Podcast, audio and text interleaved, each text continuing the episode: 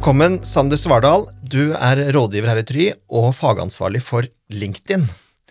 Hva er det som er spennende med den kanalen?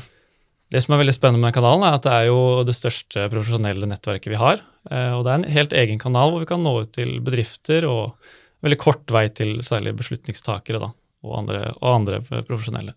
Men hva er det LinkedIn eh, særlig egner seg for? Hvem er det du når, og vet man at målgruppen er til stede?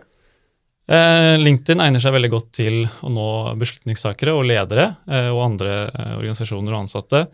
Og her har vi veldig god innsikt i både hvem vi når og hvem vi kan nå ut til i forhold til de demografiene som LinkedIn har å velge mellom. Hva skiller LinkedIn fra de andre de sosiale kanalene? Det som skiller LinkedIn mest fra denne kanalen, er at det er et veldig mye mer profesjonelt modus. De er mye mer i en lærende modus. De er der for å utvikle seg selv og bli kjent med merkevaren i en annen type setting. Eh, som gjør at de er mye mer mottakelige for eh, bransjerelatert innhold. Jeg selv bruker jo LinkedIn veldig mye mer nå enn det jeg gjorde for to og tre år siden, og finner jo veldig stor nytte av det, lærer veldig mye uh, av det. Er jeg en utypisk bruker, eller ser man at uh, øken, bruken har gått opp? Det er absolutt en vekst, og vi ser både her til lands og i utlandet at det er flere og flere som bruker det. Det er jo hele 50, 55% av topplederne for de 100 mest verdifulle selskapene på London-børsen er nå aktive på LinkedIn. Og stadig flere ledergrupper er også aktive. Ja, Det ser vi også på norske ledergrupper, at de bruker det nettverket eh, stadig mer. Ja, vi ser jo kanskje det at eh, det er enda mer fokus på det å fronte lederen også, som, som tankelederskap eh, f.eks. Og så er det vel særlig innenfor B2B-markedsføring at eh, LinkedIn eh, er aktuelt, er det riktig?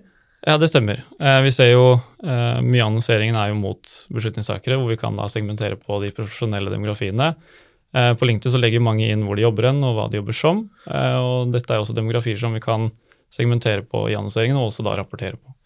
Så hvis jeg eh, har lyst til å eh, selge et produkt inn i dagligvarehandelen f.eks., og komme gjennom der, så er det mulig med LinkedIn å eh, finne eh, de aktørene med de stillingstitlene som, gjør, som er da sannsynligvis eh, beslutningstakere. Er det, er det, riktig?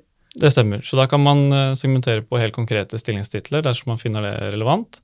Eh, konkrete bransjer eller helt konkrete selskaper også dersom man ønsker å nå smalt ut.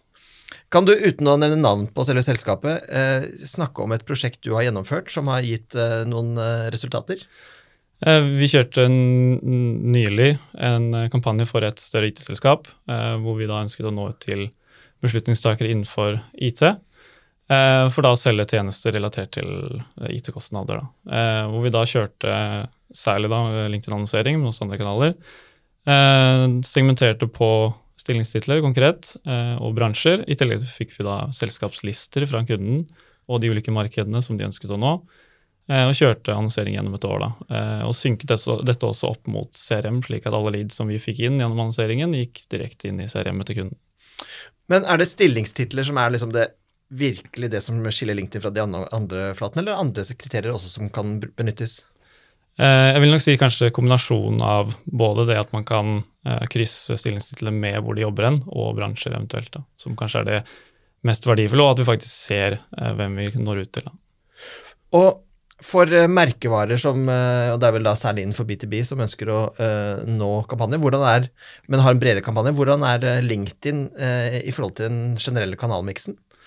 Eh, LinkedIn er en litt dyrere kanal. Eh, vi bruker den ikke så mye som en rekkeviddekanal, sånn som f.eks. Meta og, og Snapchat, eh, sammenlignet med de andre sosiale mediene.